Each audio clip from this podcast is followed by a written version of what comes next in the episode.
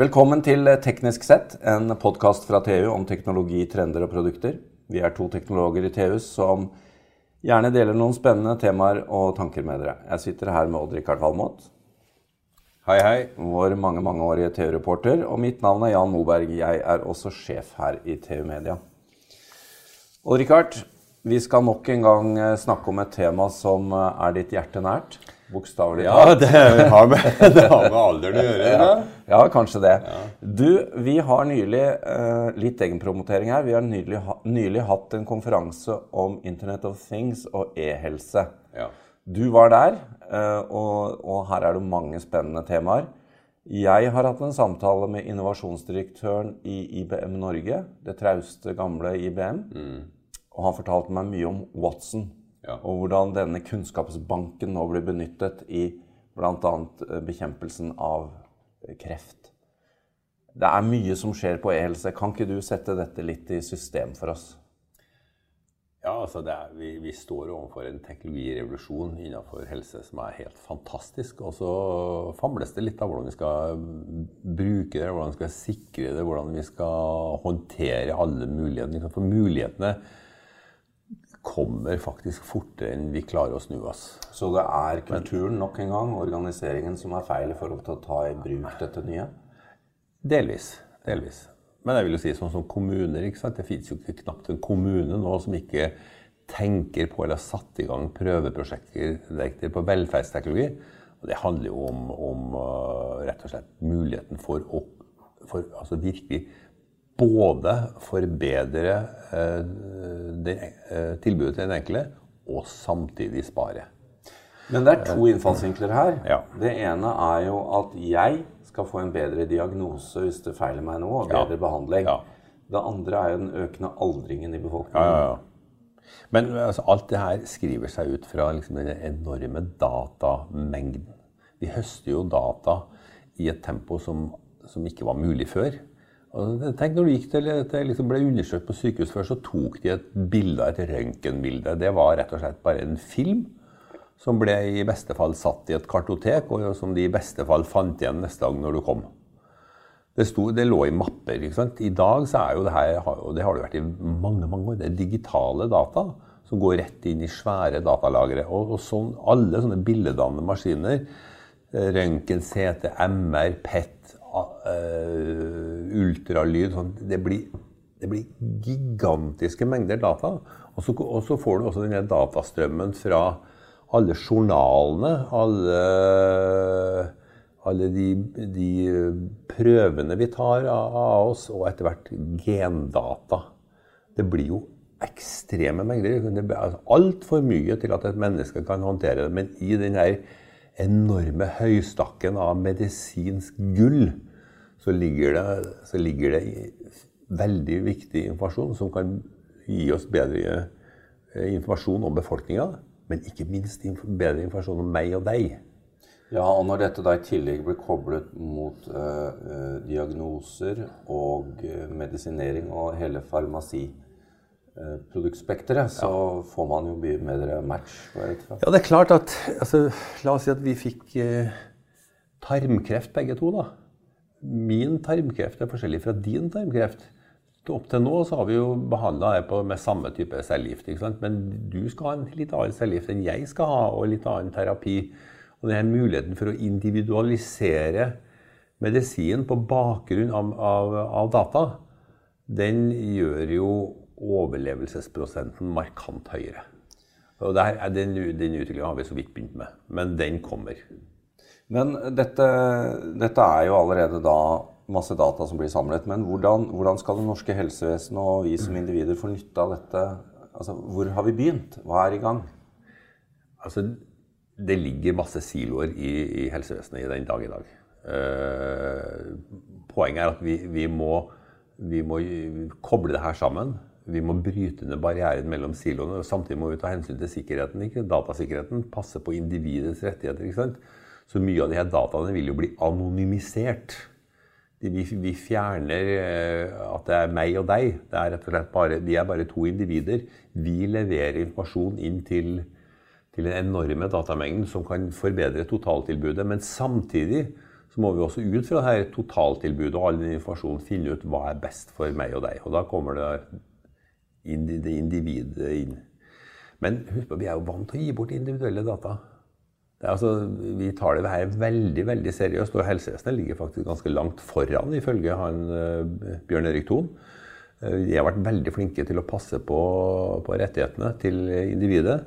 Men vi gir det jo bort til Apple og Google og Samsung og Microsoft og alle andre. Det har vi gjort i mange år. Men vi gjør det jo litt uten å vite det, eller, eller stilltiende akseptere, eller egentlig ikke lese disse skjemaene. Vi, vi gidder jo ikke lese alt det som er laga av amerikanske jurister. ikke sant? Så vi bare klikker på 'yes'. Men nå, i de siste åra, har vi gitt bort medisinske data. Du gir bort data om, om søvnen din, om, om, hvor langt du går, om pulsen din etc. etc. Og, de, og de måles kontinuerlig, alt det her. Og det er store mengder medisinske data som flyter fra de her nye telefonene og smartklokkene og fitnessband og whatnot rett inn i de enorme serverne rundt omkring i verden. Og, og de blir ikke brukt til så mye ennå, men de kommer til å bli brukt. Ja, ikke minst da forsikringsbransjen, men det skal vi la ligge i denne omgang. Ja. Eh, men Odd-Rikard, nå har vi snakket noen minutter eh, altfor lenge egentlig, uten å komme inn på et litt følsomt tema for en yrkesstand, nemlig, nemlig legene. Ja. Det er jo slik at når NRK allerede har et program der amatører eller legemenn og medisinere konkurrerer om, med Google om å stille diagnoser, Eh, så ser vi jo det at uh, dette er jo ikke en eksakt vitenskap. Det er ganske Nei. vanskelig. Jeg syns det er ganske deprimerende å se på. Også. For Vi tror at når vi kommer inn til liksom, fagpersonen, så kan de alt om kroppen vår og sånn. Men uh, så vidt jeg vet, så kan mennesker menneske rammes av noe sånt som 40 000 ulike sykdommer og lidelser og sånt, og det blir sikkert mer år for år. Og gamle tall sier at en, en lege kan ha liksom, et aktivt forhold til 2000 av de. Med andre ord det er 38 000 igjen som, de, som, er helt i det blå. Nå har vi jo spesialister, da. Men det er, ja, klart, ja, det er klart vi har et system for å håndtere det her. Men eh, det hadde vært veldig mye bedre om, om et, et, datasystem kunne fortelle deg sånn pinpointe direkte hva som feiler deg, med en gang. Mm. Du har jo eh, vært i kontakt med medisinere rundt disse temaene. Og det er jo en oppfatning at eh, altså, medisiner og leger er litt arrogante, motstand, har høy motstand mot at disse nye dataene blir brukt? Ja, det, det, det varierer litt der. Men det er klart at det er, det er, et yrke med en viss arroganse. og Det gjelder jo kanskje yrket vårt også. Men, øh, men, det er jo ingen tvil om at øh, den medisinske profesjonen nå vil bli ut, utfordra av eh, kall det ingeniørprofesjonen. Fysikere, matematikere, ingeniører vil få en helt annen rolle i helsevesenet enn før. Eh, Erik Fosse, eh, kjente legen og le sjefen for intervensjonssenteret, han nevnte på dette seminaret at eh, i dag så er det veldig store flaskehalser i å tolke medisinske bilder, altså røntgenbilder, MR-bilder og sånn. Det sitter altså to leger. De skal, ha, de skal ha, bli enige om en, eh, om en konklusjon. Eh, de sitter som det er, det er, for lite kapasitet. Eh, de er en slags propp i systemet, så det tar lang tid å få behandla det her. For å finne ut hvor, hvor er det feil hen i kroppen. Dette er jo analoge bilder som er laget ut fra digitale data, de sitter og ser på. Det er mye bedre å la en datamaskin se direkte på de digitale bildene. Den gjør det mye billigere, mye fortere og sannsynligvis med mye større presisjon. Spesielt når vi utvikler det her. Og det er ikke bare røntgenbilder, det er også patologiske bilder og alle mulige sånne helsedata som vi kan grave fram. De kan, de kan på en måte se mye finere detaljer, og de kan sammenligne med en million andre bilder. For, for det på en måte datasystemet kan behandle det samtidig i sanntid. Det, det er noe helt annet. Og det, kommer til, å, det kommer til å skape en revolusjon. Og det betyr at en del medisinske profesjoner blir rett og slett borte. Blir erstatta av datamaskiner.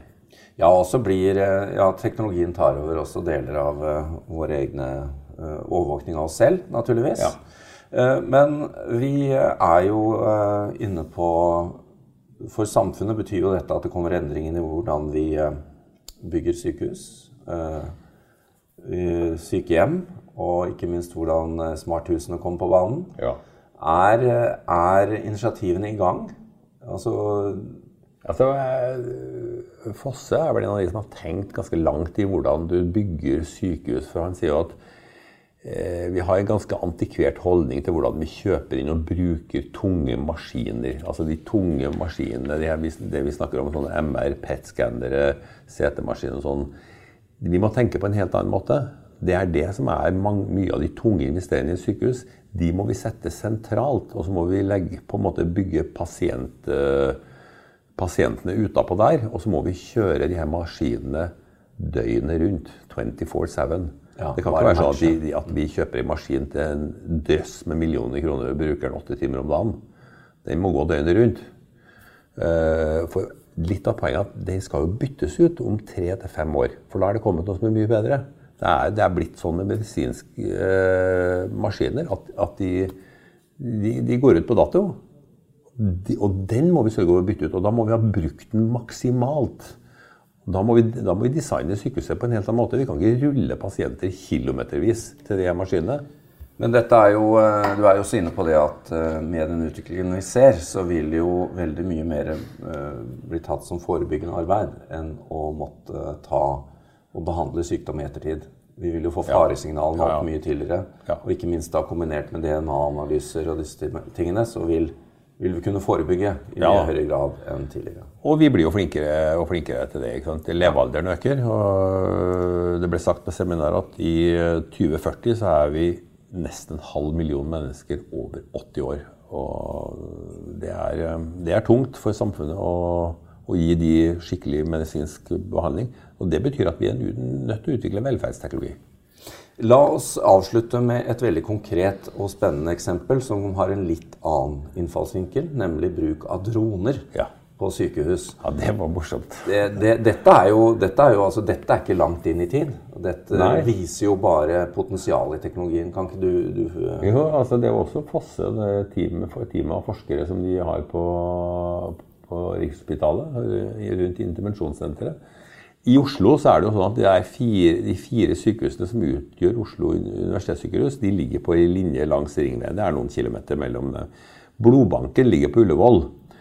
Eh, I dag, hvis du skal ha blod på Radiumhospitalet, så må det sendes i drosje fra Ullevål.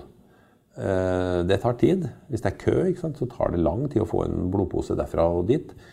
Eh, så de ser på bruk av droner leveringsdroner. Akkurat Jeg tenker på samme måte som Google ikke sant? og FedEx og andre. La oss bruke droner til det her. Eh, flyr de relativt lav flyhøyde over, og det, de kan være fremme på minutter.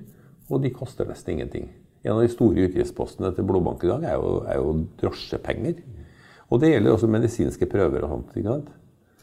Mye raskere, mye billigere. Vampyrvirksomhet. Odd-Rikard, ja. eh, eh, vi skal ikke be plage, plage lytterne med våre egne diagnoser. Det ville bare bli traurig. Det ville ha tatt lang tid. Men vi kommer tilbake til disse temaene. Her ja. er det jo mye mer å hente. Og jeg tror også vi skal få inn noen gode kandidater i studio for å snakke mer om dette. Ja, det er spennende.